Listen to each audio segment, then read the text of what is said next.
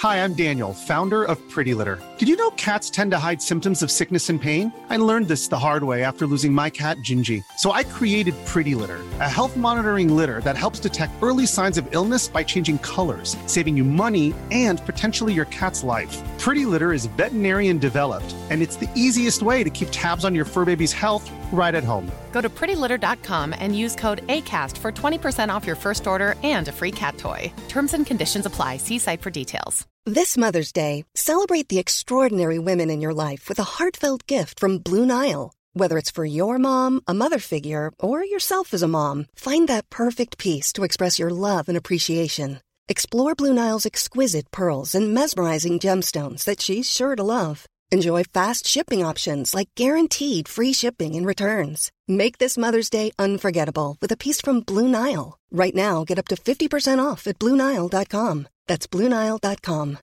Millions of people have lost weight with personalized plans from Noom, like Evan, who can't stand salads and still lost 50 pounds. Salads, generally, for most people, are the easy button, right? For me, that wasn't an option. I never really was a salad guy. That's just not who I am. But Noom worked for me. Get your personalized plan today at Noom.com. Real Noom user compensated to provide their story. In four weeks, the typical Noom user can expect to lose one to two pounds per week. Individual results may vary.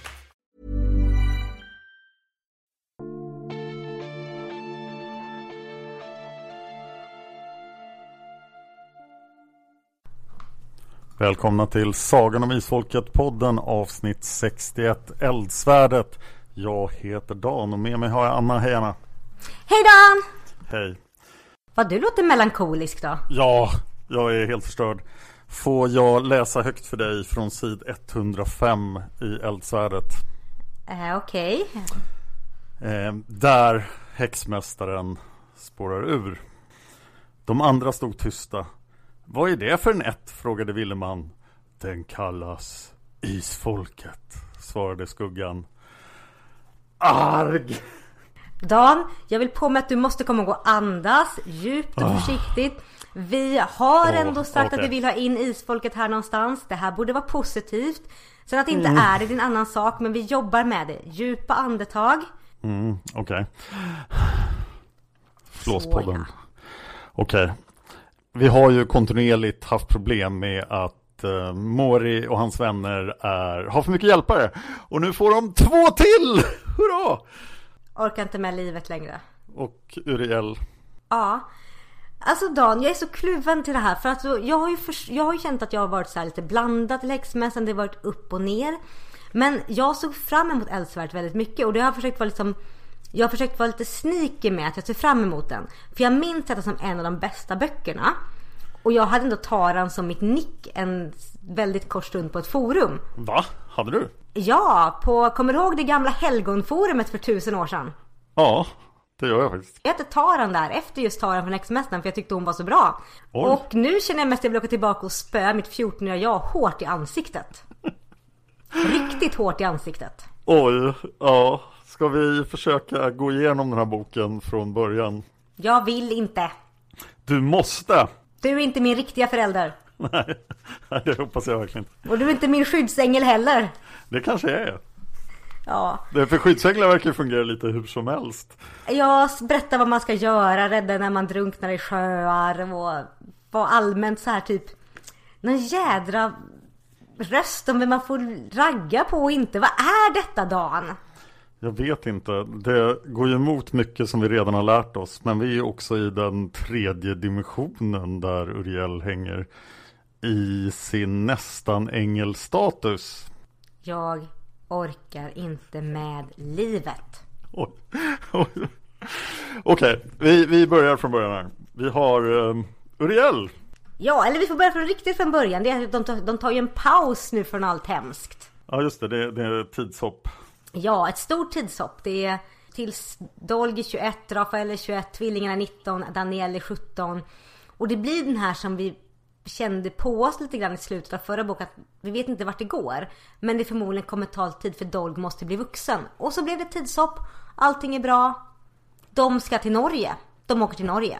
Finns det ingen tidspress här? Alltså räknar de helt enkelt med att den heliga solens orden måste gå igenom några rekryteringsprocesser som kommer att ta en massa år och det finns ingen brådska. Irrblossen kan få vänta och ja.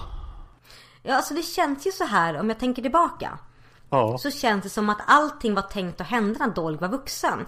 För de nämner ju när han hittar den blå safiren att det här skulle inte hänt nu. Men det är för att nu håller Mori på att dö så han måste ta det uppdraget nu.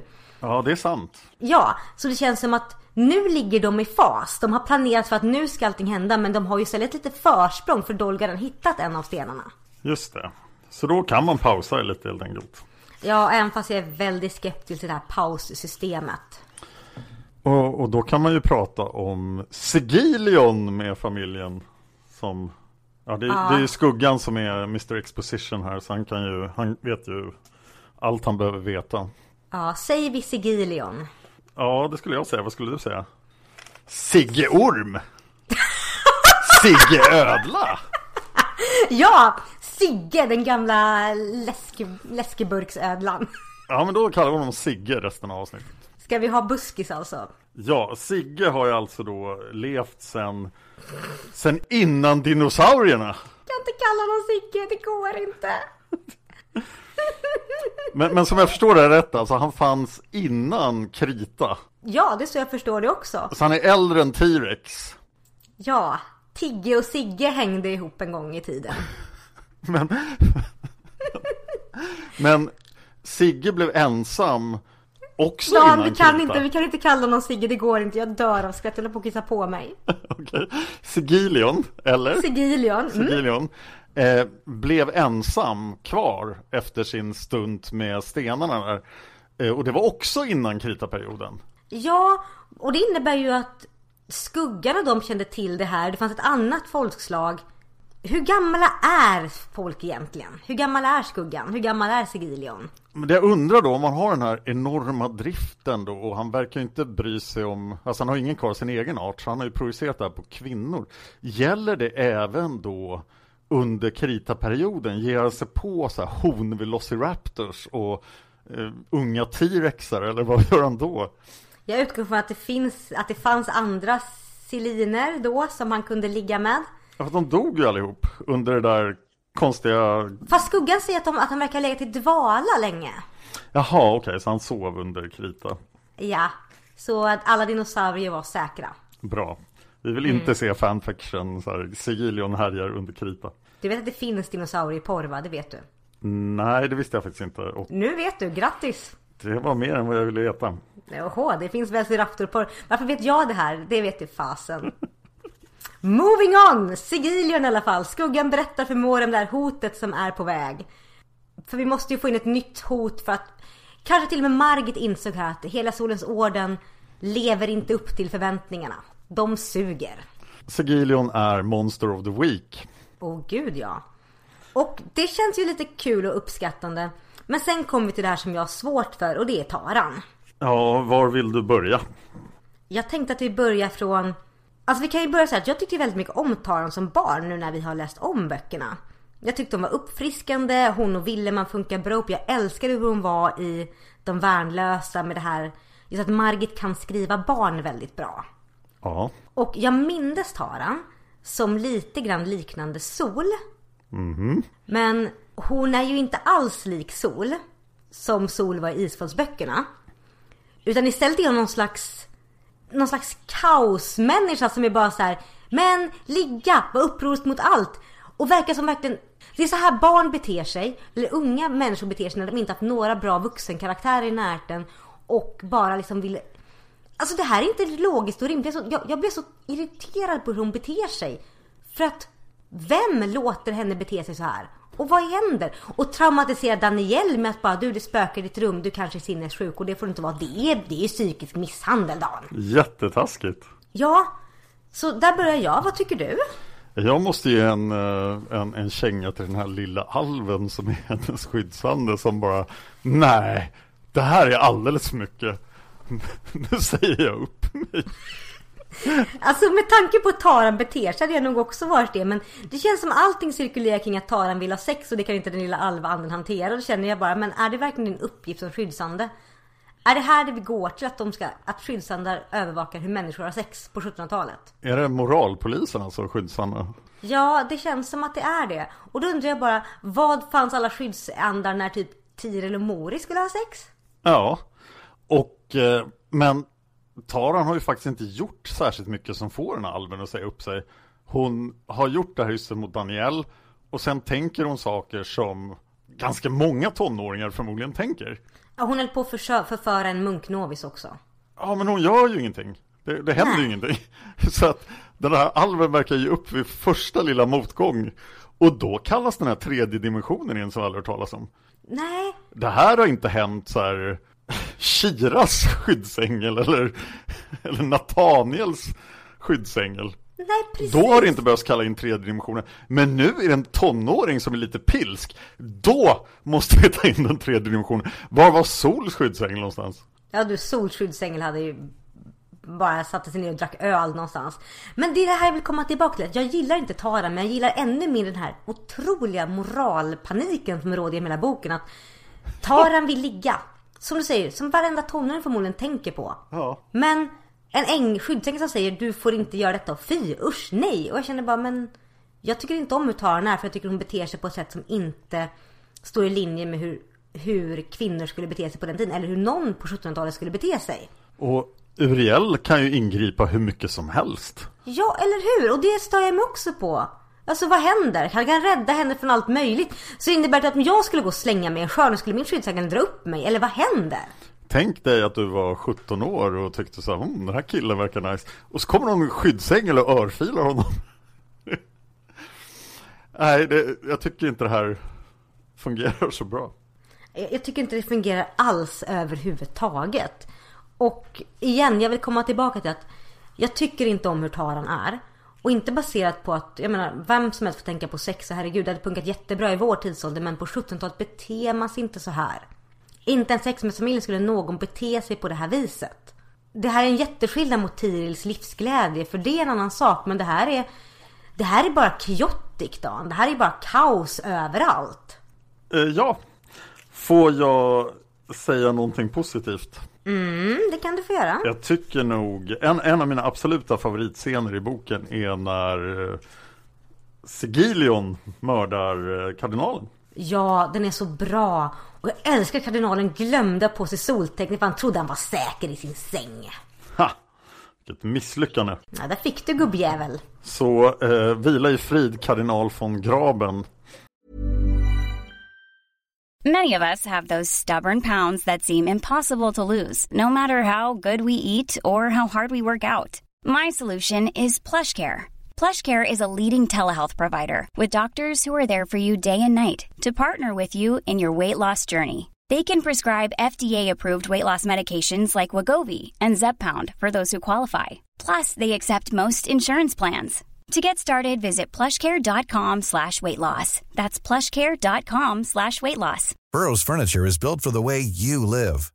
From ensuring easy assembly and disassembly to honoring highly requested new colors for their award-winning seating, they always have their customers in mind. Their modular seating is made out of durable materials to last and grow with you. And with Burrow, you always get fast, free shipping. Get up to 60% off during Burrow's Memorial Day sale at burrow.com slash ACAST. That's burrow.com slash ACAST. burrow.com slash ACAST. Hi, I'm Daniel, founder of Pretty Litter. Did you know cats tend to hide symptoms of sickness and pain? I learned this the hard way after losing my cat, Gingy. So I created Pretty Litter, a health monitoring litter that helps detect early signs of illness by changing colors, saving you money and potentially your cat's life. Pretty Litter is veterinarian developed, and it's the easiest way to keep tabs on your fur baby's health right at home. Go to prettylitter.com and use code ACAST for 20% off your first order and a free cat toy. Terms and conditions apply. See site for details. Den enda skurk som har verkat lite läskig i hela den här serien. Och sen kände vi att vi fick solens order igen och Lorenzo är stormästare och vi såg ju i den förra boken att han är inte så imponerande. Och så tar de in den här Rasmus Finkelborg. Jag kan inte hantera hans namn. Jag har skrattat åt det hela tiden när jag läste boken. Och jag försöker tänka med honom och jag bara nej men det här går inte. Och det här får ju mig liksom att tänka att hela, hela solens orden hade här kanske kunnat bli läskig. Men så skickar de in honom och man bara... Är det här er urvalsprocess? Tar in en snubbe som inte tror på magi och tror att det handlar om, om materiell makt. Är det era rekommendationer? Hur ser utbildningen ut för de här nya medlemmarna? Jag tror mer att... Nej. Ja, de verkar desperat ha rekryterat så här rika personer. Ja, och om det är allt som krävs så är det inte konstigt att orden inte kommer framåt på tusen år. För det känns som att rekrytera någon som mest vill ha stormästartronen som inte tror på magi. Känns ju som att ta några steg bakåt. Ja, frågan är hur magikunniga de är nu utan kardinal von Graben. Kan de faktiskt göra någonting alls magiskt nu? Eller är de reducerade till eh, läskiga killar med pistoler? Jag tror på det sista. Jag tror det är läskiga killar med pistoler hela vägen. Och jag ser att Margit försöker bygga upp Rasmus som en sån här hård, iskall nemesis. Men hon gör ju honom också rätt fånig. Otroligt fånig. Ja. Då lyckas ju faktiskt eh, Robert vara läskigare. Gud, jag tänkte vi kommer tillbaka till honom sen. Ja. Men när vi väl är i Norge och vi har Sigilion som då så här Åh, men jag ska ta den här Taran. Och Rasmus som också bara, men Taran! Vi borde haft en annan stämning här. Men jag får bara stämning av buskis. Ja.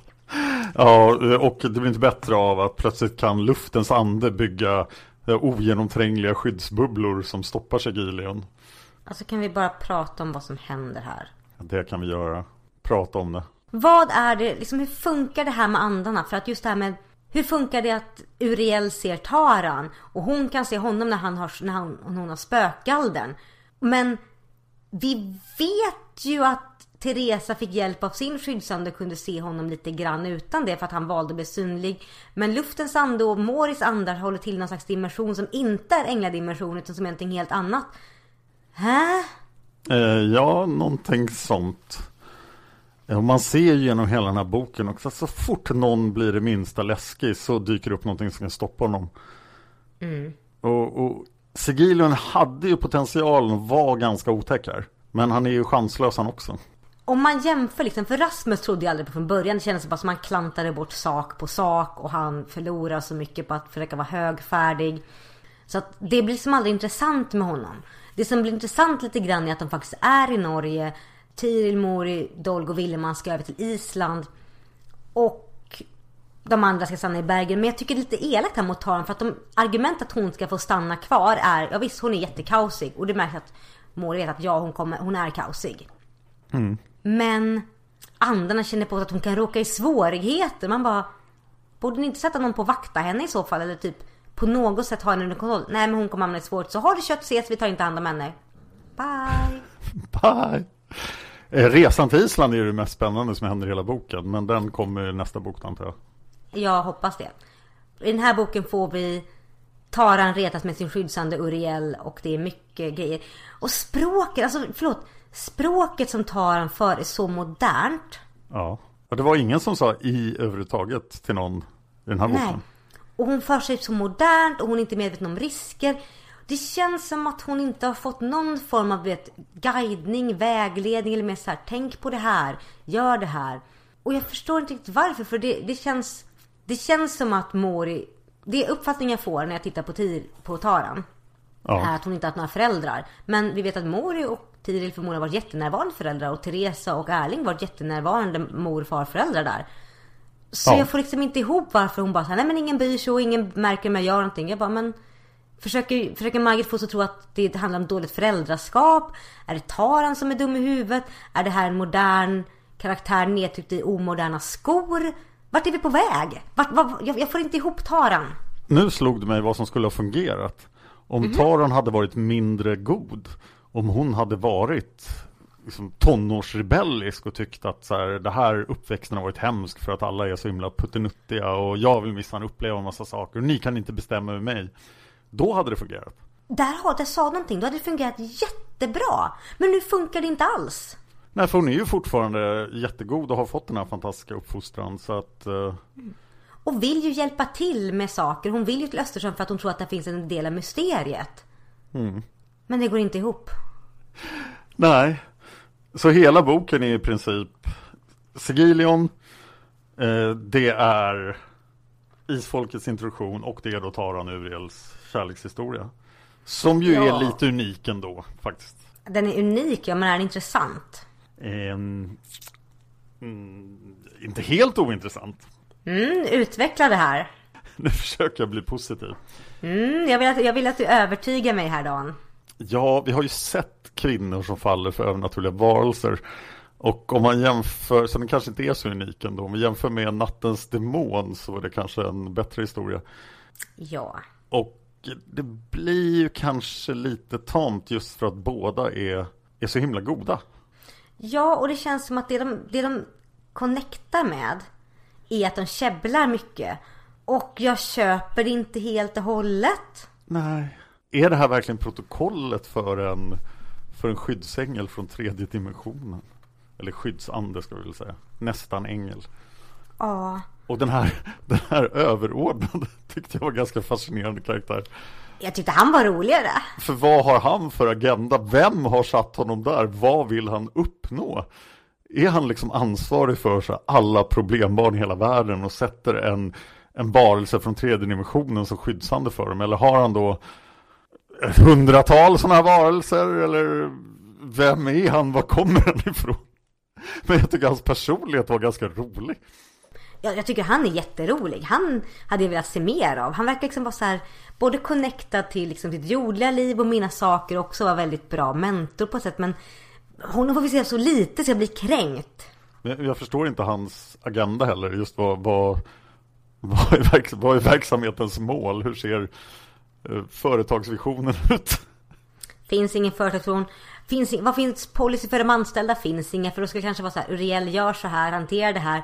Och när Uriel kommer tillbaka och bara Men det här, hon ser mig. Nej det kan hon inte göra. Man bara Eller? Vi kanske borde hålla koll lite mer på det här. På något sätt. Ja dessutom har du ingen koll på isfolket och Tengilronde och sådär. För det, det pågår någon annanstans. Mm. Ja. Nu, nu måste jag hitta något positivt. Har du Ja. något positivt du vill säga om den här boken? Mm, alltså jag gillar ju, alltså biten när de åker till Island är spännande. Och Sigilion som ond karaktär funkar bra. Jag gillar att Margit använder greppet att vi inte får se honom. Ja. Det tar väldigt lång tid innan vi får se honom. Det är de här smygande, glidande rörelserna. När han intresserar sig för kardinalen med den här rösten och fasansfulla ögonen. Det tar tid innan vi får se, innan Margit ger en full beskrivning av honom. Vi får ju liksom bara veta hur han ser ut lite grann. Och att han har en bedövande inverkan på kvinnor och att han har det här, den här hemska klon, att han kan flyga. Men en hel beskrivning tar tid. Och det greppet gillar jag jättemycket för det funkar här. Det, han byggs upp på ett bra sätt. Och jag tycker inte att han görs fånig. Nej. Eh, han är lite väl eh, pilsk. Ja, Och lite ofokuserad på målet. den här boken handlar väldigt mycket om sex och inte sex. För det handlar om den onda karaktären. Ja. Som är Sigilion. Han, så här, ja, men han, är, han är ond och han tycker om sex. Tarans problem är att hon tycker om sex och hon får en skyddsängel. Ja. Dan, vad händer här? Ja, det är väl ungefär det som händer. Jag, jag vill ju nämna att det finns ju ett seriemord här i, i bakgrunden. Ja, just det, de fyra prostituerade där ja. Ja, eller om de var fem till och med. Ja, något sånt där. Och det liksom slängs in så här, liksom bara så här, åh bal, bal. Och förresten, de hade ett mysterium i Bergen. Prostituerade började försvinna. Åh, balen igen. Man bara, ja, okej. Det var ju lite spännande faktiskt. Men det var ju väldigt lite om det. Men det var en snygg grej. Överlag, Ja, alltså en annan positiv sak det är att jag... Jag... Överlag så är det så här, så fort Mår och de lämnar Bergen och Island så har vi det här som att Rasmus försöker liksom kidnappa Taran. Vi har liksom att Sigilien försöker kidnappa Taran. Det blir väldigt så här konstig stämning. Vi får se Uriel. Det är ett rätt kul ögonblick ändå. ja, Sedan så tycker jag att det är liksom... Alltså Taran blir så mycket comic relief i den här boken ja, jag skulle nästan gå så långt som att säga att hela boken är comic relief. Om man ser det här som en ganska lättsam bok där ingenting är särskilt farligt, då finns det ju roliga episoder i den. Oh ja. Men jag tror jag är fortfarande inne för mycket på att det finns ett mysterium. Och framförallt att jag inte kan ta den heliga solens orden på ansvar. Då blir det irriterande när de skickar upp en kille som är igen en buskis. Och framför allt. Jag säger så här. Det hade inte varit så irriterande för här försöker Margit visa att det här är en helt vanlig familj med helt vanliga tonåringar. Och det kan jag nog helt enkelt svälja. Det finns ju den här kärlekshistorien också att Daniel som är kär i Dolly som inte ser henne och Villemo som är kär i Daniel som inte ser honom. Bla bla bla bla bla. Och det kan vara lite charmigt. Men jag tror det som gör att det inte funkar för mig med det här är att det blir för mycket buskis. Det blir inte roligt. Det blir, det blir liksom, det blir pinsamt. Ja, och de tre andra tonåringarna har ju ingen karaktär överhuvudtaget. De har en Nej. egenskap. Villeman har knappt en enda egenskap. Eh, Daniel är så här, oj, oj, så här, åh, jag är beskedlig. Beskedlig och kysk och tittar med stora ögon och Rafael är kvinnligt vacker. Ja, och han poetisk tydligen. Mm. Men de, de får inget utrymme alls egentligen. Nej. Och Daniel får vara damsel in distress lite grann. Jag hatar damsel in distress grejen. Jag hatar den. Alltså, jag, jag, liksom, när jag började läsa var så här, ah, vi ska kidnappa Taran. Men det passade att hon är så här vild. För det kommer inte bli damsel in distress. Det kan bli lite kul. Och sen bara, nej det blev Daniel som träffade Sigilion först. Och så blev det verkligen så här, åh nej vad händer? Och jag bara, åh jag orkar inte med det här. Och sen när vi är i det där huset och det är lite spännande med Finkelborg och hans pistoler och, och Sigilion. Då visar det sig att Uriel kan så här kalla in grejer från den tredje dimensionen så här. Ja, ah, det här verkar jobbigt. Jag kanske behöver ett jättemagiskt svärd. Så bara kommer det så här. Tjong! Alltså vad händer där egentligen? Får man göra så? Funkar det så för alla skyddsänglar? Nej, det, det måste nog säkert vara de här tredje dimensionen nivån av skyddsängel. Ja fast Taran var ju aldrig någon, i någon fara. Det var ju bara att hennes alvliknande ande rage-quittade så fick hon en ny bara för att han skulle ha någonting bättre att göra. Så om min skyddsande skulle bestämma för rage-quitta och jag skulle få en tredje dimensionande och bestämt för att hoppa ner för ett stup och han räddar mig skulle jag också kunna kalla upp ett svärd. Eller hon, eller hen. Ja, det kanske är så här anpassat till tiden också så att de kanske kan kalla in en pansarbrigad nu eller något. Pansarbrigad hade varit nice. Attackhelikopter, Det hade varit riktigt nice. Drönare. Nej. Men alltså, här, och sen så, sen så får vi ju träffa Solavisfolket här. Nej. Oj jo! Och, och det här är ju sånt Det är fanservice så det skriker om det Sol är ju den mest älskade karaktären i Isfolket Och här är hon igen och nu har hon en helt ny personlighet Jag vill ändå... Jag vill ändå lite grann försvara Margit här. För att ja, Sol är en annan personlighet. Men man märker att Margit försöker bygga in mycket från till exempel avgrunden. För du och jag klagade så mycket på det i Isfolkets podd när vi poddade om Isfolkböckerna. Ja, Just det här med att Sol var väldigt melankolisk och bra när hon var med i ettan, tvåan, trean, fyran av Isfolket. Sen så fort hon dök upp som ande så blev hon mest bara en clown. hon var ganska död i fyran i. Ja, fyra månader stendöd, förlåt. Men här försöker hon, Margit ändå säga liksom att hon har sorg över sig, en desperation i ögonen, tragedi som Taran saknade, förtvivlan i skrattet. Margit försöker ändå lägga in det här som vissa av oss läsare, däribland du och jag, älskade med Sol och inte göra henne till en clownpersonlighet. Men vad händer sen då? Jämför Sols scener i den här boken med när någon gick till hennes hemliga plats och man hörde hennes skratt lite i vinden. Då var det så oj, hon kanske finns. Men här är hon helt plötsligt någon superhjälte. Hon, Ja. kan, hon kan göra lite vad som helst. Så här, hon bara försvinner, hon är fysisk, hon slänger kläder åt alla möjliga håll. Och, Ja, och hur funkar det här nu? För det känns som att Isfolkets anda kunde ju inte kom ingripa direkt i de levandes liv i Isfolket förutom med de drabbade och utvalda. Men den regeln verkar inte gälla om de blir inkallade för att hjälpa andra ätter. nej.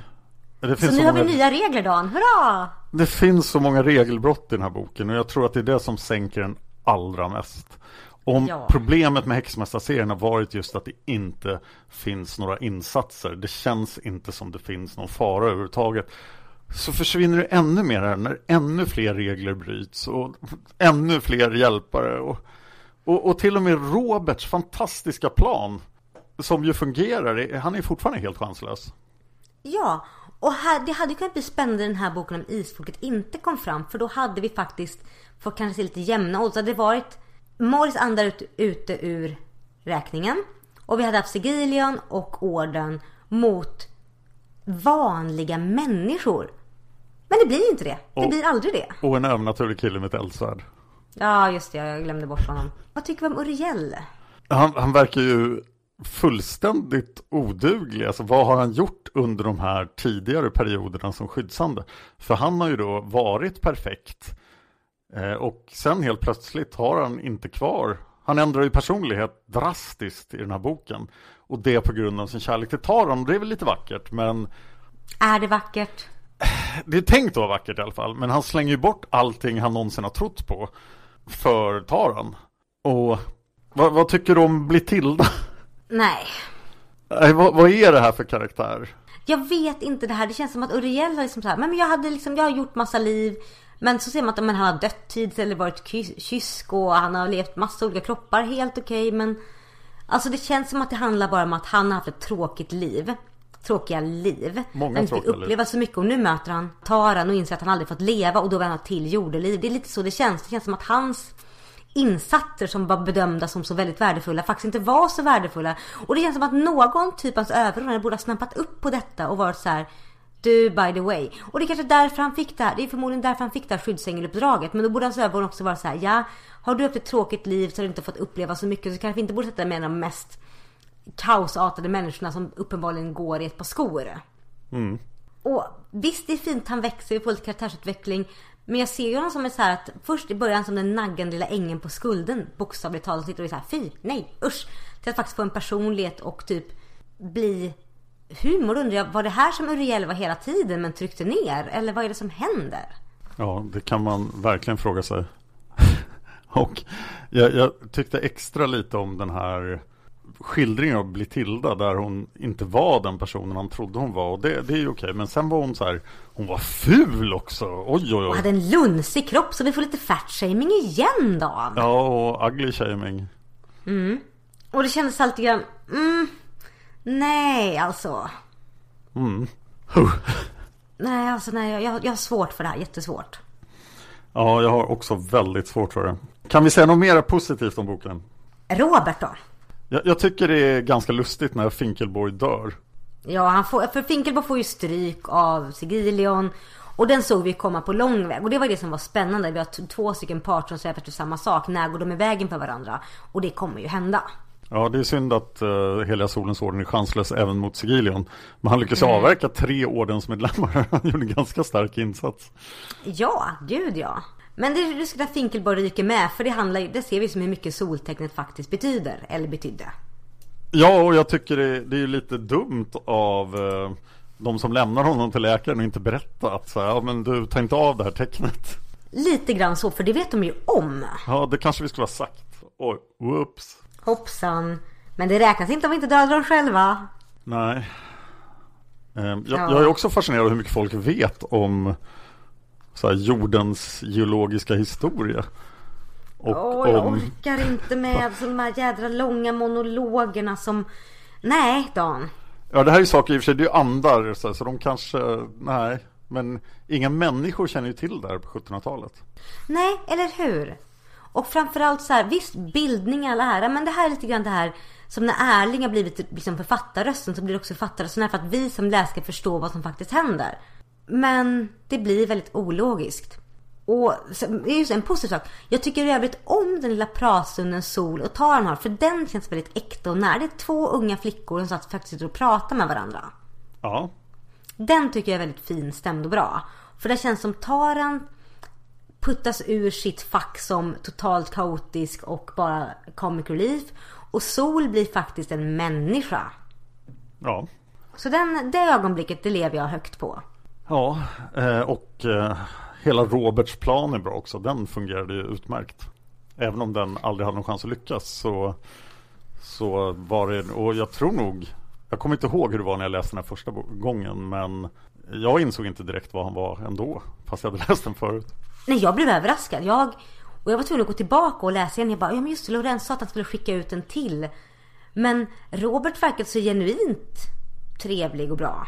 Ja, Han var så olik alla de andra ordensmedlemmarna. För andra ordensmedlemmarna är bara så här. Vi går rakt på och dödar dem. Jag bara, det är ingen som har tänkt man kan nästla sig in. Det försökte ju Rasmus göra men i och med att han hade ungefär lika mycket sneakiness som en gråsten mitt i en typ i en gryta full med kött. Alltså det går inte. eh, sen kan man ju ifrågasätta varför de berättar så mycket för en, någon som i princip är en främling. Eh, ja. Men det känns som att det kanske är typiskt tonåring. Man bara, du får inte säga det till någon, det är en hemlighet. Men här får du hela min livshistoria. Säg det till någon, blink blink. Ja, Och sen så blir det ju, jag vill också gå tillbaka så här. För jag måste gå tillbaka till Sol igen Dan. ja, För vi har det här öga- ögonblick som jag lever på att Sol får vara människa, det är fint. Och sen handlar det bara om sex. Är det plan att hon ska förföra honom? Vi har sett Sol häxa folk till döds. Vi har sett honom... Är det plan att hon ska ligga med honom för att få bort hans uppmärksamhet från Taran? Det är väl ingen bra plan? Döda honom för guds skull. Ja, jag, jag kan inte säga någonting till hennes plans försvar. Hon verkar väldigt Nej. sexuellt frustrerad. Ja, och det får man lov att vara. Men jag känner också att jag upplevde aldrig Sol som under hela tiden jag läste om henne i Isfolket efter hon hade dött så upplevde jag aldrig den sina vänner starkt. Men nu plötsligt hon bara, nu är mitt enda mål att få ligga. Sen kan vi se vad som händer. Hon har gått från att vara clown till att vara sexgalning.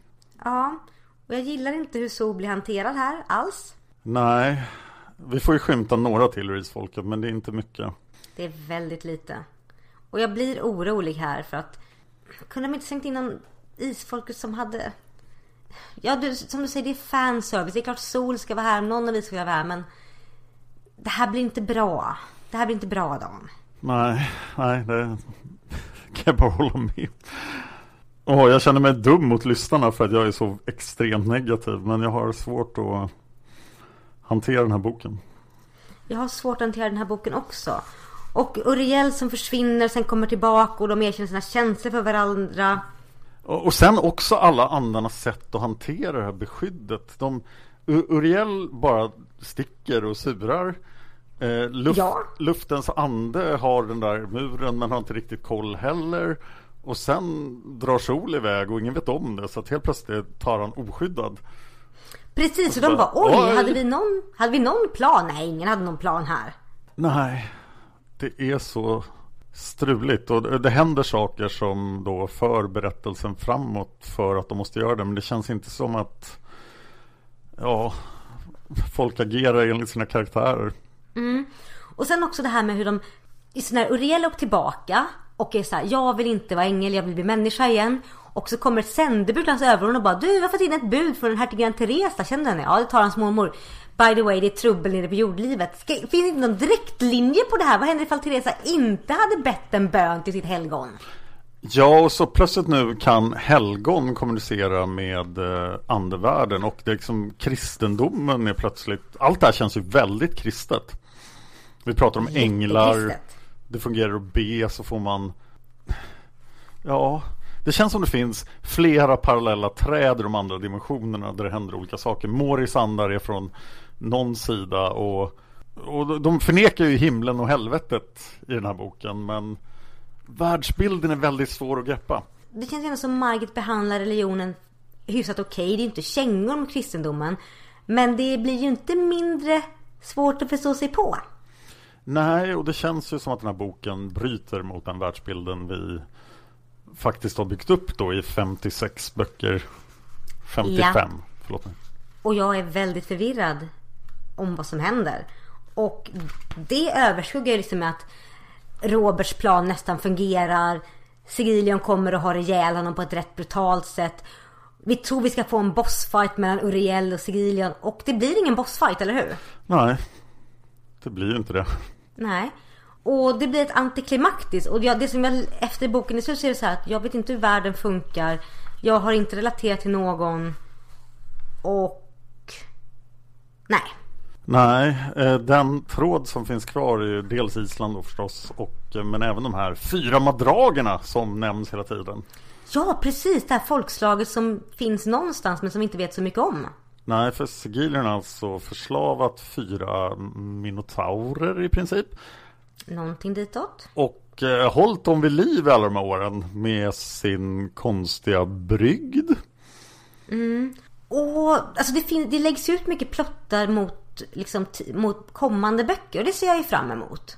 Ja, Men den här boken kändes så... Jag tror så här. De tidigare böckerna som varit nu med liksom mysteriet, eller så här, räddningen av Tiril och det var mycket sidequest. De var ändå skrivna på ett sätt som var väldigt annorlunda. Här blir det väldigt mycket humor. Det är som Margit försöker väga upp att ja men nu behöver vi lite humor. Vi behöver liksom börja på en ny era. Det var ett tidsstopp. Det här är den nya generationen. Det är så här det kommer vara. Och det gör mig lite orolig. Kommer det vara buskis nu i resten av bokserien? Ja, vi har ju kommit väldigt långt ifrån stämningen som var i bok tre som jag ju nog faktiskt tycker har varit den bästa boken hittills. Eh, gud ja. Det är inte så att vi tycker illa om humor. Vi tycker om den här torra humorn som dyker upp lite grann. Men här är det ju... Det här är vulgärt. Det är mycket liksom hö-hö-skämt och det är mycket liksom gnabbandes. Och det som jag har svårt, igen, jag ska repetera, det är att det här inte passar in på 1700-talet. Nej. Nej, nu ska vi väl sluta oja oss över den här boken kanske och låta lyssnarnas synpunkter komma in. Ja men det tycker jag vi gör. För vi ställde ju tre frågor inför den här boken. Det är vad tycker du om boken? Vilka är dina favoritögonblick i boken? Och vilken är din favoritkaraktär? Dan, du kan få börja. Ja, det första svaret kommer från Sinsev från Nor. Hon säger Första gången jag läste igenom serien var denna min favorit. Men nu är jag lite osäker då den inte var så bra som jag hoppats på under senaste genomläsningen. Vissa delar tycker jag om, som wannabe-preussaren och hans planer och en del av banten mellan Uriel och Taran. Andra delar avskyr jag med passion. Vem tyckte att Sigilion var en bra idé?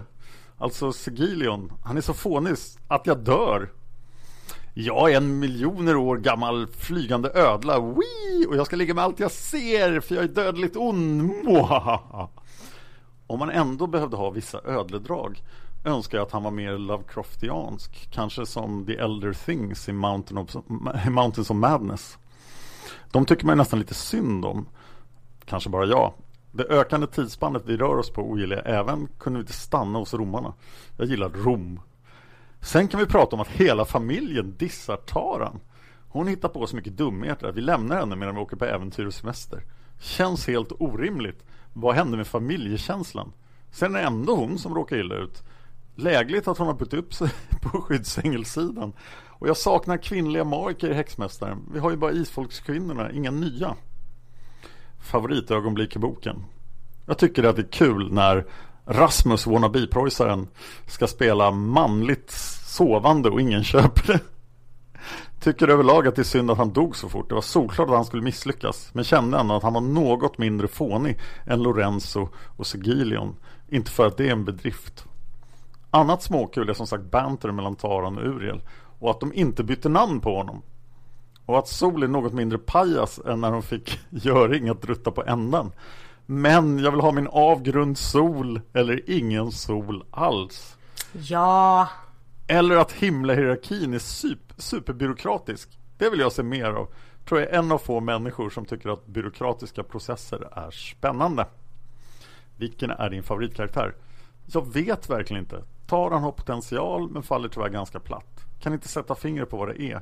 Men jag stör mig ofta på vad hon sysslar med. Uriel är stundtals charmig men han ger upp sitt kall för fort. Ingen av rövhattarna som lämnar kvar Taran förtjänar ens att nämnas. Det får nog bli wannabe-preussaren. Han är ju bara extra allt.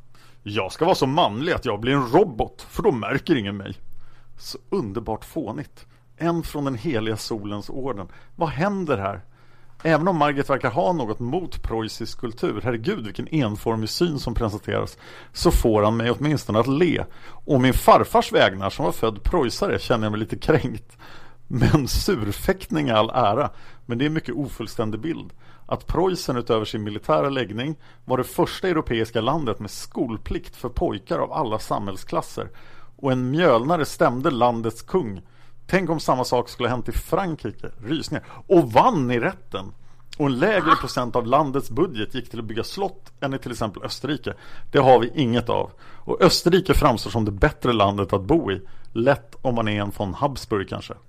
En ganska negativ reflektion av en Julia som verkligen hoppas nå ljusets rike. Där var det åtminstone en riktig djävulskurk som alltid kläcker nya onda planer. Lite spoiler, men det har vi att se fram emot. Gud ja.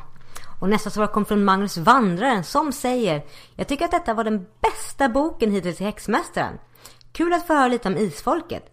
Lite krångligt att hänga med i alla olika typer av änglar. Ärkeänglar, ljusängel, svartängel. Är Lucifer och hans svartänglar äldre och högst i rang av änglarna? Var det 30 miljoner ljusänglar som följde med Lucifer till jorden? Tyckte hon sa det i ljudboken. Blir ljusänglarna automatiskt svartänglar när de hamnar i de svarta salarna? Många frågor. Bästa ögonblicket var när Sol gjorde entré.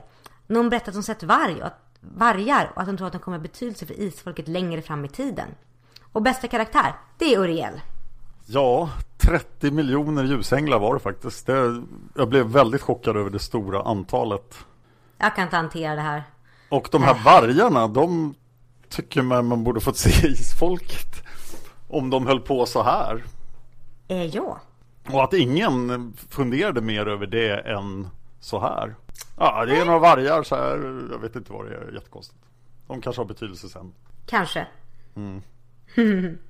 Så inte jag reagera om det var magiska vargar som höll sig i i periferin, då skulle jag nog undersöka den. Gud ja. Nästa svar kommer från Lothloria. Vad tyckte du om boken? Jag minns den här boken som en av de bästa i serien och Taran som en av mina favoritkaraktärer i serien. Men nu vet jag inte riktigt längre. Taran beskrivs som omtänksam men samtidigt småjäklig. Det stämmer väl för det mesta. Men inte för spökerierna som hon plågar Daniel med för att få ta över ett rum. Det är väl ändå helt klart elakt. Inte nog med practical joke-spökeriet som hon aldrig avslöjar utan hon intar också Daniel att familjen kan tro att hon är sinnessjuk på grund av de hemska upplevelserna i barndomen och hon berättar för någon annan inte okej okay, Taran, inte okej okay. Taran känns annars som en typisk tonårsflicka Tycker hon känns yngre än 19 år, kanske mer som 15-16 med tanke på sin osäkerhet vad exakt är det övriga familjen tänker att hon ska hitta på på Island som gör att hon inte får följa med för övrigt? Jag kan definitivt förstå att hon blir förtjust i Uriel. Men jag kan inte förstå att hans känslor växer fram så fort. Visst, de smågnabbas och så vidare. Men vad exakt fastnar han egentligen för? Han verkar svartsjuk nästan från dag ett. Jag hade gärna sett kärlekshistorien växa i ytterligare en eller ett par böcker. Blir inte klok på andevärlden heller. Hur funkar den egentligen? Går inte in på det djupare här, men mycket som inte stämmer. Istället sammanfattar jag så här. Historiens Sol Sigilion kunde jag varit utan. Hade gärna varit utan Sol överhuvudtaget i den här boken. Har inte familjen tillräckligt med hjälp redan? Segilien var skrämmande och mystisk i början. Han dödade kardinal von Graben hur enkelt som helst och bådade mycket gott som antagonist. Men tyvärr faller även han platt som fiende. Taran har för mycket skydd och Segilien en alldeles för stor svaghet som är given från början. Uriel blir dessutom kvitt honom alldeles för lätt på slutet. Ja, okej. Okay. Boken har några brister, men jag gillar den ändå. Den har ganska underfundig humor, karaktärer som man skrattar med och åt i vissa fall, samt en mysig kärlekshistoria. Sträckläste den snabbt. Handlingen i mysteriet kring solen går inte framåt, men jag tycker den fyller sin plats i serien. En reflektion apropå ingenting. Taran säger vid något tillfälle, tror jag till Sol, att hon inte fått några magiska krafter, för Dolg har fått dem allihop. Men har han verkligen fått några magiska krafter alls som har visat sig hittills? Han har hittat en sten som han använder, men det är stenen som har krafter. Och soltecknet som han hittade i förra boken, har han verkligen visat någon enda egen kraft? Favoritögonblick i boken, när Taran ser Uriel första gången med hjälp av spökaldern. Det är också roligt att följa Taran och Uriels samtal, ofta ganska humoristiska. Favoritkaraktär? Svårt den här gången. Uriel kanske. Jag kan inte låta bli att tänka mig honom ungefär som Aziraphale i Good Omens. Ja, blir några pluspoäng bara där. Mm, jag får ju säga till Lothlori att ja, jag kan ju också se honom som Aziraphale i det fallet fast lite tråkigare. Mm. Mm. Nästa svar kom från Hanna som säger Eldsvärdet, äh, vad var det här? Men innan jag fortsätter så frågar ni förra avsnittet om Margit använt sig av kartor i några av hennes böcker. I Ljusets rike finns åtminstone en karta. Och sen ville ni veta, eller var det bara Dan? Det var nog bara Dan. Hur upphetsande det skulle vara om en munk dök upp för att köpa en åsna. Host, host. Ja, vad ska jag säga? Själv är jag ingen speciell dragning till just munkar. Förutom de fyllda med vanilj eller äppelknän. Mums. Men jag kan förstå dragningen till den förbjudna kärleken. Hos mig skulle den stackars kåta munken fått köpa åsnan, om jag haft någon, till ett rimligt pris och sen fick han vackert gå. Mm. Där fick du svar Dan. Tack. Hanna fortsätter. Tillbaka till eldsvärdet. Men alltså vad är det här? Det blir lite för mycket urspårning med änglarnas hierarki, nästan änglar, ödle, människor och Taran. Jag ber om ursäkt till alla er som gillar Taran men själv kan jag inte föredra henne. Ändå lite synd att hon inte får följa med till Island. Och anledningen är ganska dum. Andra vet redan att Taran är tio år och kommer ställa till med problem som vuxen. Men ville man då? Det beskrivs han är minst lika vild som tvillingsystern. Nej, det är faktiskt lite synd om Taran. Så lite kan jag förlåta henne det omogna och ibland rent ut elaka beteendet. Ta bara episoden då Daniel är 12 och Taran 15 när Taran vill ha Daniels fina rum och låtsas vara ett spöke och skrämmer ut den stackars flickan och sen säger till Daniel att hon inte får säga någonting. För då kan Erling och Teresa tro att de fått allvarliga sviter för tiden på Vrineburg och spärra in henne på sinnessjukhus. Nej, fy Taran, det är elakt.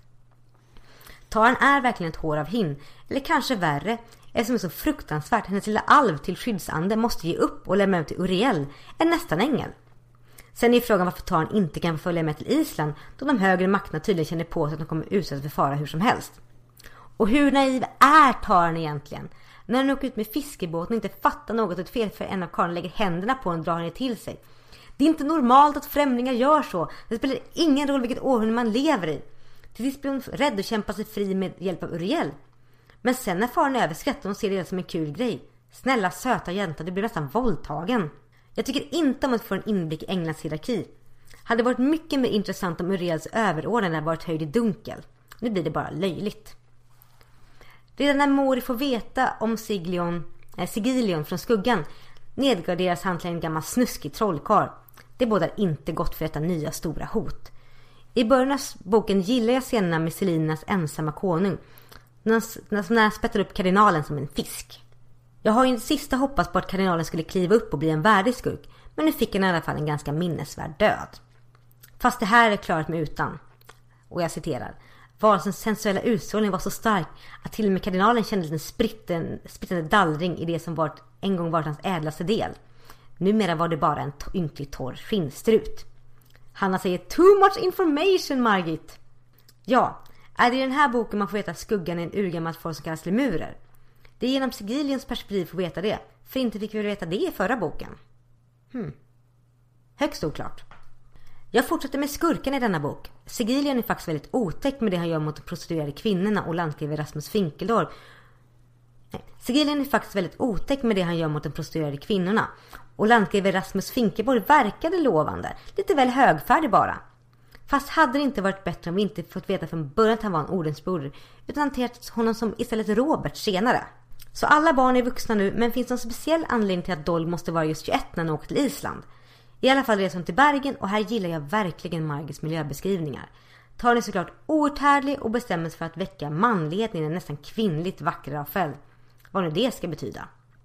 Sedan snor Taran spökgalden för pappa Moris gallraskrin vilket hon vet är högst ut att röra. Varför inte bara förklara för sin far liksom att Hej far lille, du förstår, jag har en röst inte i mitt huvud och jag tror jag kanske skrämt iväg min snälla skyddsande och fått en ny bättre. Skulle du inte kunna få din spökalle för att kika efter lite? Eller är hon rädd för att familjen ska spärra in henne på dårhus? Att Taran inte skulle äga någon övernaturlig förmåga, det stämmer inte. För de får faktiskt sin kopia av spöken att fungera till en viss del. Hon använder sin antastning sin skyddsängel. Inte okej okay, Taran! Gnabbet mellan Taran och Uriel kan vara lite roande, men jag gillar absolut inte att Taran utsätts för fara hela tiden. För att retas. Tänker hon aldrig på hur ledsen hennes familj skulle bli om det faktiskt hände henne något? Hon behöver aldrig känna på några konsekvenser. Tarans förfärlighet uppläggs att hon, i, att hon i några få ljusa stunder är självkritisk. På sidan 63 utspelar denna korta ordväxling mellan Urielans överordnade. Men hon gjorde det! Jag svär! Svär inte. Förlåt. Hanna säger, det måste vara en komedi jag läser. Det är faktiskt boken lättare att tycka om när jag tänker så. Och vad vet andarna och inte? Och vad kan de göra eller inte? En fråga man ställer sig om och om igen och förmodligen aldrig kommer få klarhet i. Andarna vet om Sigilion och Rasmus som är ute efter att kidnappa Tarn, men de vet inget om broder Robert. Känns som andarna vet det som läsarna får veta. Men jag undrar varför inte Skuggan kan göra en blixtvisit till Norge och varna för Sigilion och Finkelborg. Han kunde ju uppenbara sig för Willy i förra boken och prata med honom. På boken till Island då Mori och Dolg och Willeman pratar med Skuggan lite mer än Sigilion nämner Skuggan... Åh gud. Salt Porsodus. Förlåt Hanna, jag kommer slakta de här dinosaurienamnen. Där nämner skuggan Saltpochodus, Ramporrinus och Petradon. Hanna fortsätter. Hade människan dessa namn på skräckräddor och flygare på 1700-talet? Nej. Svaret är nej. Ja. Hanna fortsätter. I samma kapitel namndroppar skuggan isfolket och det pirrar till i min isfolkets själ. Fast det är lite konstigt med isfolkets andar. De kan alltså hjälpa helt utomstående och synd att det alltid nämns i isfolkssagernas sol alltid följs av vargar. Som vi nu vet är svartänglar. Fast helst hade jag önskat att det där med vargarna inte nämnts. Att man får veta att det var 33 miljoner änglar som följde Lucifer hade bort lite kul info. Usch! På sidan 155-156 där Sol skuttar runt och retar Sigilia med sin förförelsekonst. Det var inget bra stycke. Det hade kunnat strykas helt och hållet. Och hur fungerar Sol som ande egentligen? Är det någon typ av mara som kan få sexuell tillfredsställelse som hon är död? Hu, jag tror inte jag ska grotta ner mig själv i allt det där för mycket. Jag blir intresserad och Taran ger sig iväg för att söka mer information om Östersjön. Men de kommer inte så långt. När Rasmus Finkelborg stoppar dem på vägen med sina pistoler så fattar jag att Taran inte är rädd för sin egen del. Hon har ju Uriel. Men det är väl inte självklart att Rafael och Daniel har samma beskydd. Så lite oro över sina medresenärer borde hon visa. Och sen är det väl helt onödigt för Uriel att visa sig för Rafael. Något jag undrat lite med Finkelborg är att de smyger in i huset efter att Rafael och Taran flytt in där. Sigilion är i närheten och osar sensualitet och Margit beskriver Rasmus reaktion så här. Och jag citerar. Han gick vidare, där det stinkande rummet bakom sig andades lättare. Tryckte ner resningen i vänster byxben. Finkelborg var vänsterstyrd. Slutcitat. Hanna fortsätter. Menar Margit han är vänsterhänt? Varför behöver du veta det? Ja, jag antar att de menar att hans eh, kön liksom tenderar att gå till vänster. Behöver vi verkligen veta det? Nej. Nej. Hanna fortsätter. I alla fall bankar Sigilion Finkeborg i bakskallen. Ordensbrevet överlever han är smart och på sitt soltecken. Taran Rafael och Daniel är dock inte lika smarta då de Finkelborg skriver brev till sin familj. Och herregud, suck! Nåja, Finkeborg dör då någon läkare råkat av honom soltecknet och istället träder broder Robert in. En bagatell, men på sin 168 finns det ett stavfel, åtminstone i min bok. Det står somhället istället för samhället. Måste jag kolla min bok. Mm, mm, mm. Nej, det står inte någonting i min bok. Ja, i min står det samhållet. Ja. Min bok är från 2001. Ja, men där var det så samhållet i min bok också, ja. Ja. Uppmärksamt. Ja, bra Hanna. Och Hanna fortsätter. Jag vet inte varför, men jag fastnade för meningen seglade in på en månsål som Sol säger till Tar när han träffas i Tarans rum. Så fint, jag gillar. Men oj, när de börjar prata om karlar och vilka krav de har. Och känner verkligen Sol Taran så bra att hon kan slå fast att Taran aldrig kommer nöja sig med en människoman. Taran är 19 år. Tycker Margit ofta skriver att person är så och så, men visar det sällan med personens handlingar. I alla fall tur att Taran och Uriel som inte tvingas nöja sig med en vanlig man. Fy så tråkigt. Så gör Robert en tre och visar en kompetens sällan skådad bland ordensbröderna. Han lyckas faktiskt charma Taran, men sumpar allt med ett plumpträff om en hund och Taran förstår att de inte har samma humor. Förstår dig Taran för det skämtet var inte roligt alls, bara obehagligt. Fast jag vet inte om Tarans skämt var så roligt det heller. Alltså slutklämmen i skämtet är ju son of a bitch. Hon tvingas förklara det för Robert och säger förlåt du kanske inte kan engelska. Och han svarar jo då, jag talar engelska. Hanna säger jag tror att de ljuger båda två. Att Talan talar tyska och norska och kanske till och med lite isländska köper jag, men inte engelska. Då borde istället franska vara ett språk som Martininas barnbarn fått lära sig. Dessutom var inte frasen You son of a bitch så välanvänd då, även fast den härstammar från något Shakespeare skrev. En annan konstig sak är hur Anna kan vara så säkra på att Tarn inte kommer lämna gården, som är skyddad. Anledningen till att hon inte fick följa med is till Island var ju att hon var så vild. Och i alla fall så rider hon iväg med Robert medan Sol är iväg på uppdrag åt isfolket och rejält smiter iväg för att fråga sin överordnade om man kan slå upp att bli människa igen. Varför han frågar om det just när, när Sigilion fortfarande är ute efter Taran, det vet jag inte. Men men. Och sen kommer slutstriden mellan Uriel och Sigilion. Uriel som har sitt eldsvärd. För att vara titeln på boken så uppenbaras inte eldsvärdet så ofta i handlingen. Bror Robert, han dör naturligtvis. Uriel är så ädel att han inte kan döda. Men på något mirakulöst sätt får han Sigilien att glömma alltihopa. Uriel belönas med att vara människa igen så han kan få vandra. Hepp. Nej, denna bok får inga höga betyg från mig. Favoritkaraktär, nej favoritögonblick får bli kardinal von Grabens död.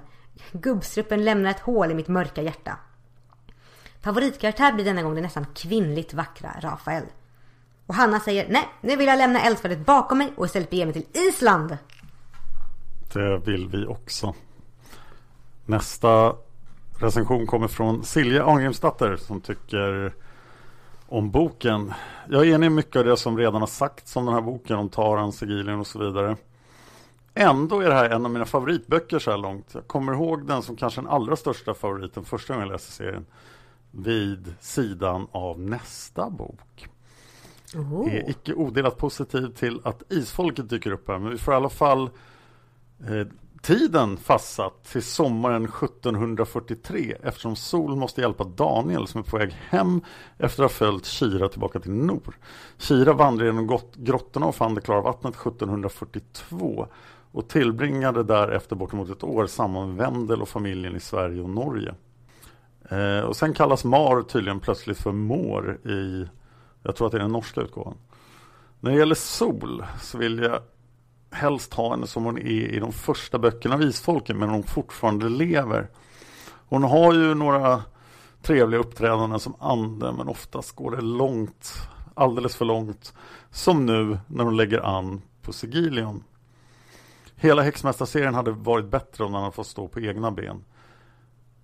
Det är förresten trevligt att träffa Aurore och August igen. Favoritögonblick i boken.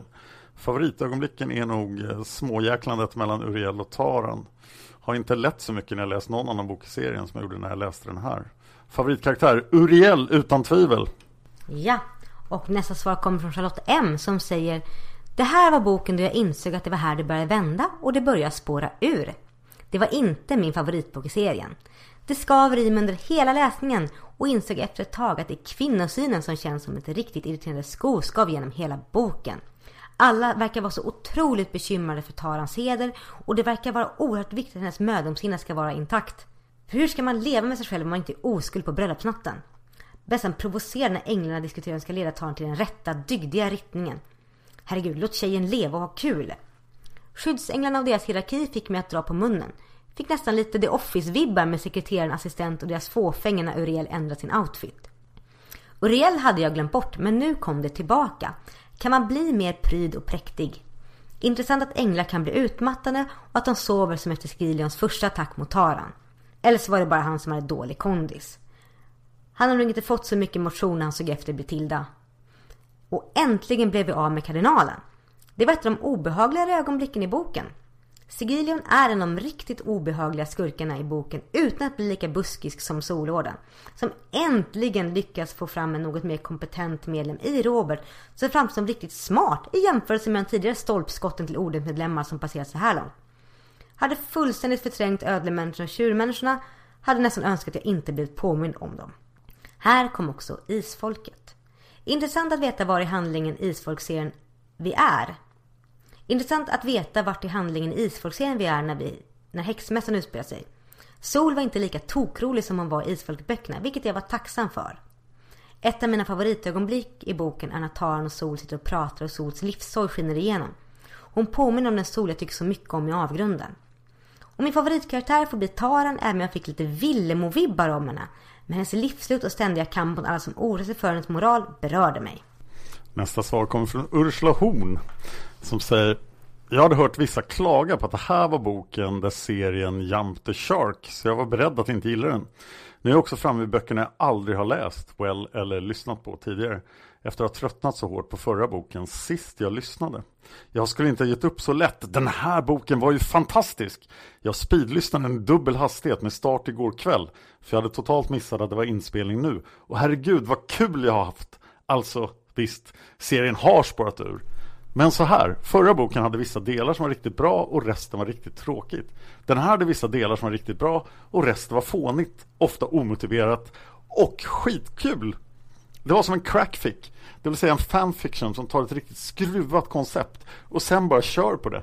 Ibland på ett seriöst sätt och ibland som humor. Och jag kan respektera en schysst crackfic. Jag kan knappt bestämma vem min favoritkaraktär är, även om det var härligt att återse Aurore. Taran gör en underbar roll som riktig isfolkskvinna trots att hon inte är det, jag vet. Uriel, den snörpiga skyddsanden, var underhållande och Sol var visserligen för fånig men hon var i alla fall bättre än clownen Sol i slutet av Isfolket-serien och det var faktiskt fint att träffa henne också. Jag blev uppriktigt förvånad när Augusts släkting, vars namn jag redan glömt, visade sig vara en av Solorden. Det var snyggt! Och Överjordiskt väsen som faller för jordisk kvinna är en av Margits allra bästa storylines. Taran som räddar det lilla lammet genom att hiva över det till andra sidan stängslet har den där handgripliga finstämdheten som är bland det vackraste i Margits böcker. Och när Uriel inser att hans tidigare människa, vars namn jag inte tänker försöka stava efter att bara ha hört i ljudboken, inte var så himla helig, egentligen är riktigt bra, även om jag gärna hade sluppit vältrandet i beskrivningar av en ful kvinna. Räddningen med citat, men hon var mest ful för att hennes själ var ful, kommer lite för sent. Skämtet med You son of a bitch var inte kul när det var med i Isfolket och det var inte roligare nu, särskilt när man kunde höra det komma lång väg. Det sades visserligen i början av boken att Teresa kunde slappna av lite när hovets ögon inte var på henne längre. Men det kändes lite märkligt att den propra Teresa skulle sitta och ge Taran förförelsetips. Det känns som att hon bara var en stand-in för berättarrösten. Segilion är en riktigt klassisk övermänsklig och överkåt isfolksskurk och jag köper det rakt av trots att jag vet att jag inte borde. En av de allra roligaste sakerna i all sin fånighet var Uriels klädnad som skulle justeras och föras på tal oavsett hur spänd och spännande situationen var. Trendsättare bland nästan änglarna minsann. Så, den episka plotten har blivit fånig. Den lilla värdighet de överjordiska varelserna hade är otvivelaktigt borta. Isfolket är här och inget makar sense längre. God smak har flytt i panik och jag har äntligen roligt igen. Oh yeah! Vad härligt Ursula! Tack Ursula. Ja, sista svaret kom från Tiny Bunny Snail som säger Jag hoppas ni kommentera och det är han du. Och Tiny Bunny Snail säger på frågan vad tycker du om boken? Säger den har sin charm, absolut, men också många brister. Jag gillar inte att isfolket kommer in, jag vill inte. Men antar att det är bara att vänja sig inför ljusets rike. Men okej, om vi ändå är här så önskar Sol fått ligga i alla fall, men icke. På samma tema tycker jag inte skurken funkar heller. Han känns inte så farlig som han borde, utan mer en katt som löper som man kan lura bort hela tiden. Slaven och sina drifter gör att han ter sig dum. Sen är det intressant att jämföra hur man reagerar på saker nu jämfört med hur jag tänkte som ung när jag läste böckerna. Som Tans antastning av Riel vid kärnan. Då tyckte jag väl att det typ var lite roligt men så här blir jag galen. Å ena sidan är jag glad att det faktiskt skildras hur asjobbigt det faktiskt är för Riel. Hur förnedrad han känner sig. Å andra sidan blir han tillsatt en överordnad och struntar i det och går tillbaka. Typ, ursäkta? Så sexuella trakasserier på jobbet är inget problem med hindren alltså? Dålig sensmoral. Favoritögonblick i boken då? Det är balen. Jag är en sucker för den här tidsperioden och kläderna och modet är så otroligt bra beskrivet att man bara hela tiden kan se allting framför sig och känna det och leva där och då. Margits miljöbeskrivning talang på sitt bästa. Dessutom är det kul att Uriel är så himla oprofessionell och pratar ner alla pojkar i Tarans öra hela tiden. Världens sämsta wingman. Och favoritkaraktär då? Tiny Bunnison säger Uriel är söt, känns ny, tycker hemskt mycket om honom men lite för slätstruken på min smak.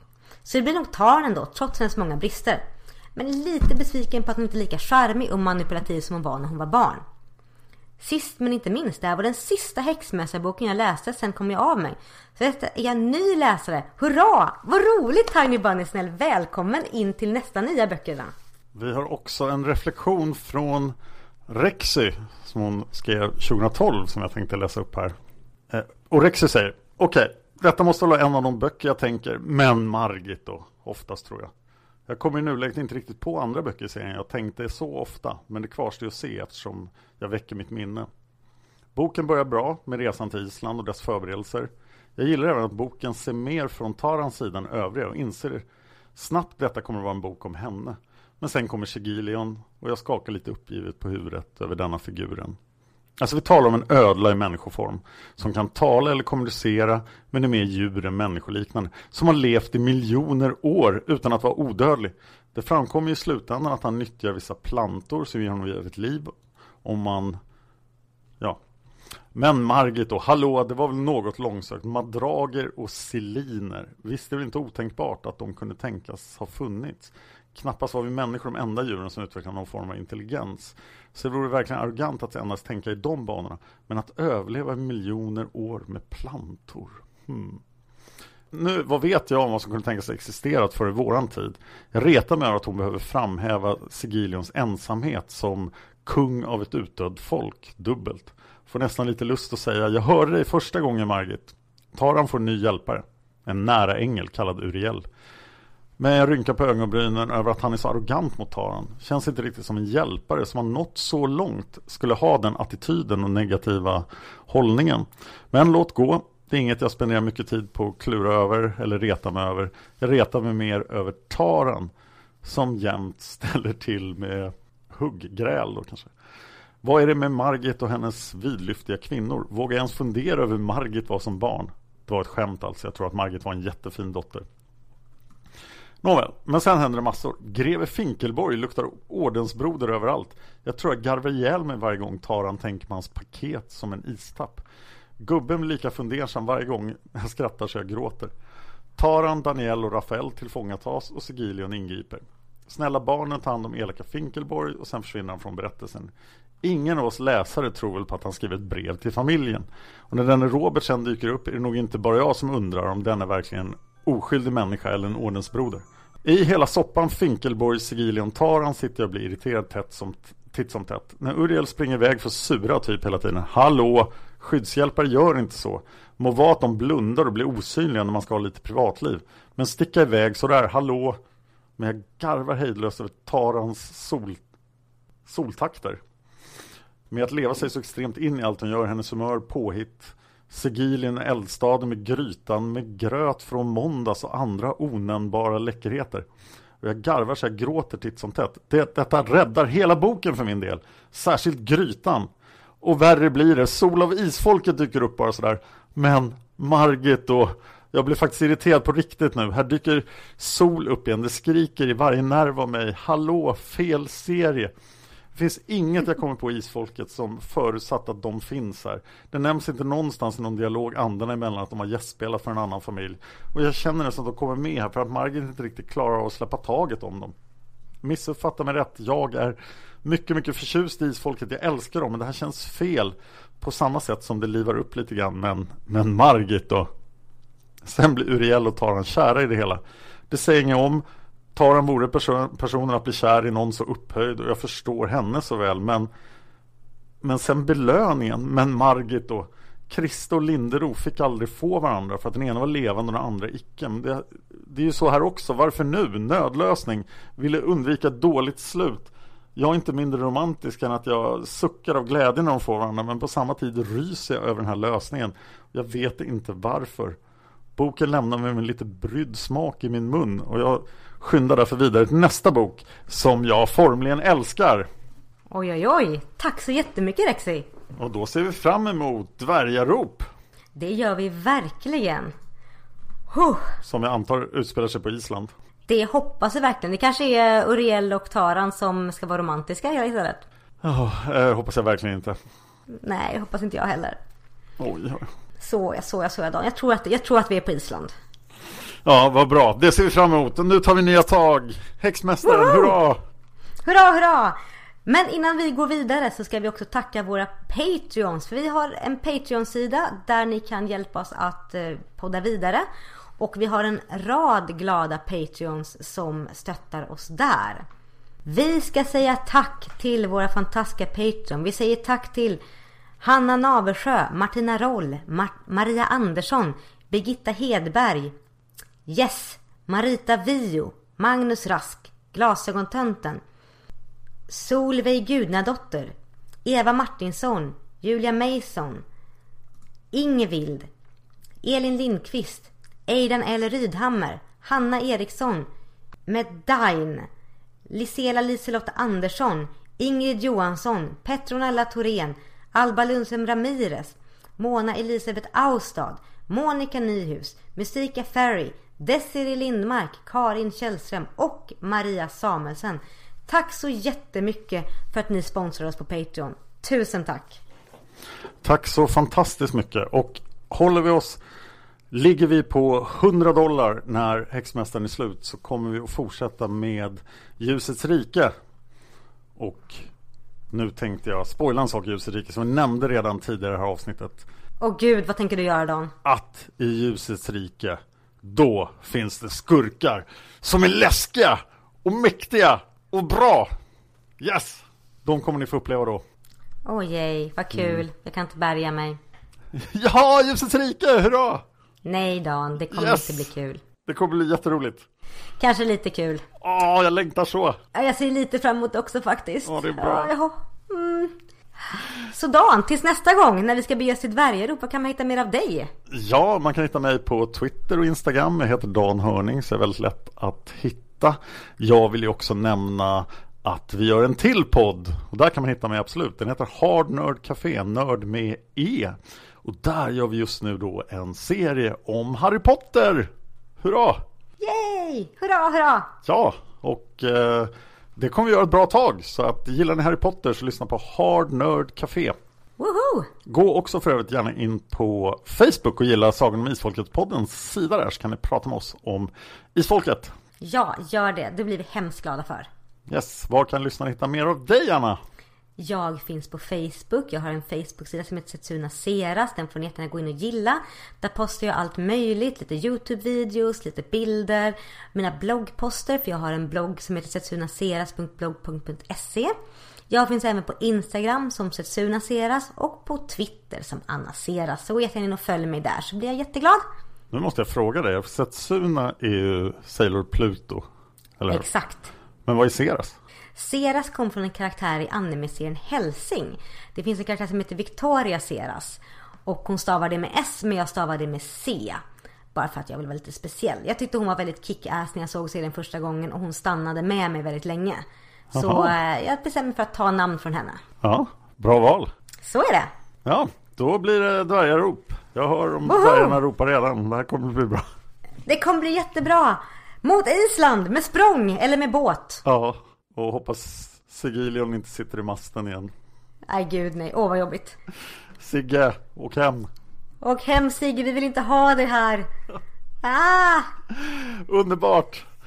Ha det bra till nästa gång. ha det bra, hejdå! Hej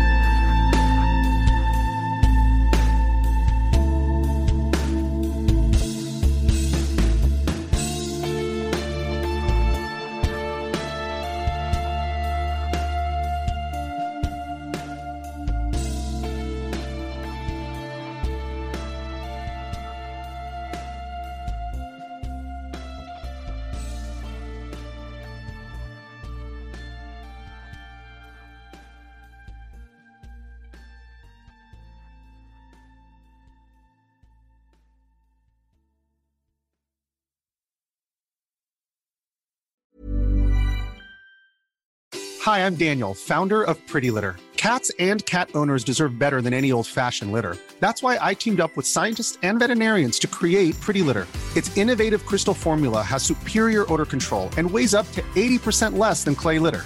Pretty Litter even monitors health by changing colors to help detect early signs of potential illness. It's the world's smartest kitty litter. Go to prettylitter.com and use code ACAST for 20% off your first order and a free cat toy. Terms and conditions apply. See site for details. Planning for your next trip? Elevate your travel style with Quince. Quince has all the jet setting essentials you'll want for your next getaway, like European linen, premium luggage options, buttery soft Italian leather bags, and so much more. And is all priced at 50 to 80% less than similar brands. Plus, Quince only works with factories that use safe and ethical manufacturing practices. Pack your bags with high-quality essentials you'll be wearing for vacations to come with Quince. Go to quince.com slash pack for free shipping and 365-day returns.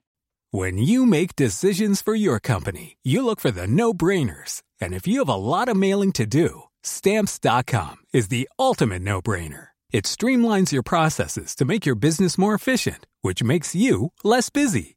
Mail checks, invoices, legal documents, and everything you need to keep your business running with stamps.com.